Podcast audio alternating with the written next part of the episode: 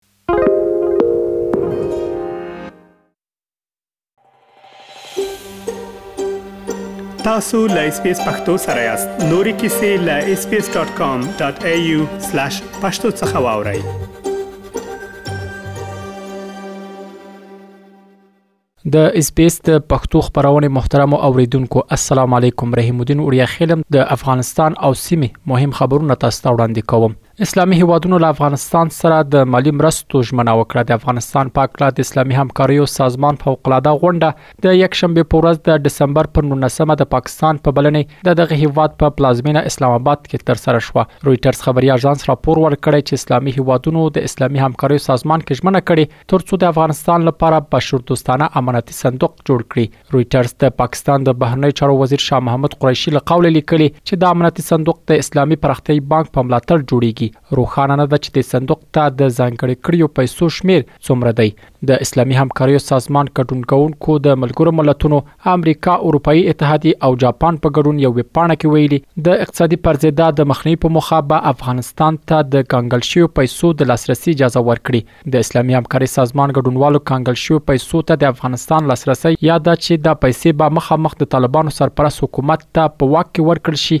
څه ویلي نه دي. د افغانستان پخوانی ولسمشر حامد کرزي د اسلامي همکاریو سازمان کې د پاکستان د لومړي وزیر عمران خان د خبرو په غبرګون کې ویلي چې دا هېواد دې په نړیوالو ناستو کې د افغانستان په استازولۍ خبرې نه کوي حامد کرزي د اسلامي همکاریو د سازمان په فوق العاده ناسته کې د پاکستان د لومړي وزیر خبرې د افغانستان د قومونو ترمنځ تفرقه اچوونکې بللي او ټینګار یې کړی چې دا خبرې افغانانو ته سپکاوی دی د افغانستان پخواني ولسمشر د عمران خان د خبرو په غبرګون کې چې ویلي وو داعش په افغانستان کې شته او له دغه هیواده پاکستان ګواښي ویلي برعکس داعش د پاکستان لخوا افغانستان ته یو ګواښ دی حامد کرزي د پاکستان حکومت ته سپارښتنه کړې چې د افغانستان په کورنۍ چارو کې د لاسوهنې لاس واخلي او د یو ښه ګاونډي په توګه د ښو اړیکو د پاللو هڅه وکړي د افغانستان په اړه د هند او منځنۍ اسیا د پنځو هیوادونو درې مناسته د یو بیانیې په خبرولو سره د دوشنبه په ورځ پای ته ورسیده یا د هیوادونو په خپل اعلامیه کې په افغانستان کې د ټول شموله حکومت پر تشکیل ټینګار کړی دی د هند او د منځنۍ اسیا پنځو هیوادونو تاجکستان ازبکستان ترکمنستان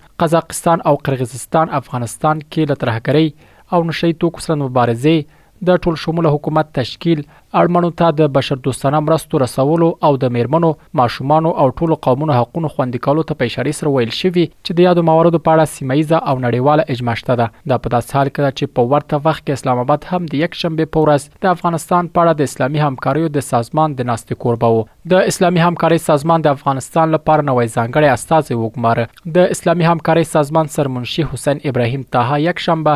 د لندۍ پر اتویشتمه طارق قلی بخیات د افغانستان لپاره د نوي ځانګړي استازي په توګه ونوموه طارق قلی بخیات په بشر دوستانه فرهنګي او ټولنیزو چارو کې د اسلامي همکارۍ سازمان د مشر منشي دی نوموړی به د اسلامي همکارۍ سازمان د بهرنۍ چارو وزیرانو د پریکړه لیک د پلي کولو په ځانګړي توګه افغانانو ته د بشري مرستو د رسولو په برخه کې د هڅو همغږي کوي. د افغانستان په ختیځو سیمو کې د پاکستان راکټي بریدونه دوام لري. د رسنیو د راپورونو له مخې په وروستۍ یوه اونۍ کې په لسګونه توغندي د نورستان او کونړ په ځینو سیمو کې لګېدلي دي چې له امله یې یو تن ټپي او په لسګونه څاروي له منځه وړل شوي دي.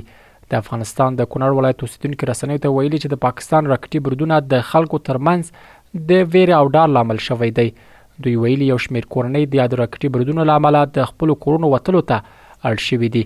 د وسلوالو طالبانو ویاند ذبیح الله مجاهد رسنیو ته بیا ویلي دي چې دغه موضوع به په جدي ډول د پاکستان له حکومت سره تعقیب کړي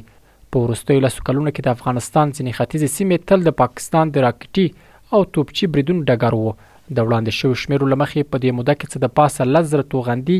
د کونړ نورستان او د ننګرهار په ځینې سیمو کې لګیدلې دي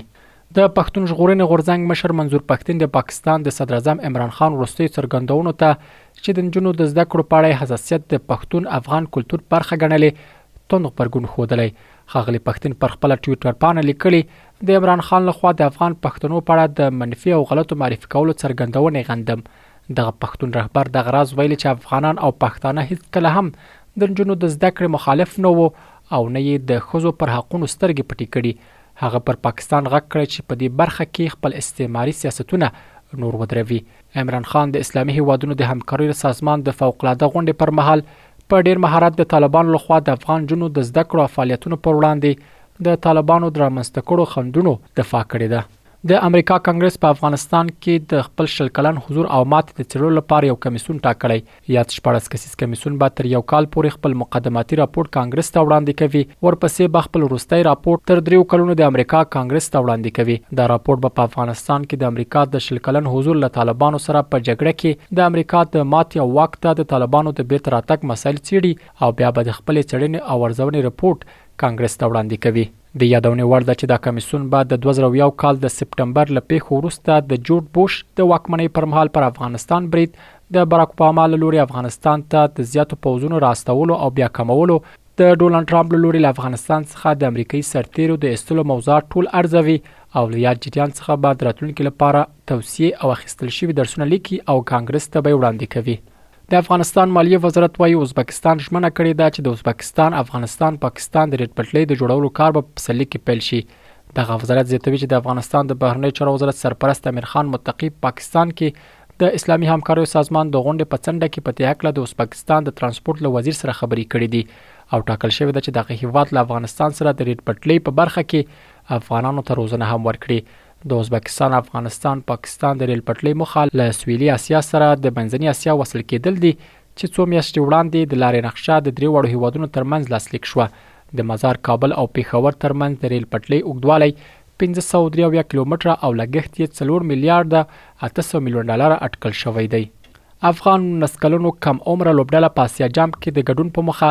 متحده عربي اماراتو ته لاړه. د افغانستان کرکټ بورډ ویلي چې دې لوبډلې لوبغاړي د یکشنبې په ورځ د لندۍ پر اته ویشتمه متحده عربي اماراتو ته تللي دي. افغان لوبډله د یادو سیالیو په لوب ګروپ کې له پاکستان، هندوستان او متحده عربي اماراتو لوبډلو سره سیالۍ لري. افغان لوبډله خپله لومړۍ سیالۍ د روانې اونۍ د پنجشنبې په ورځ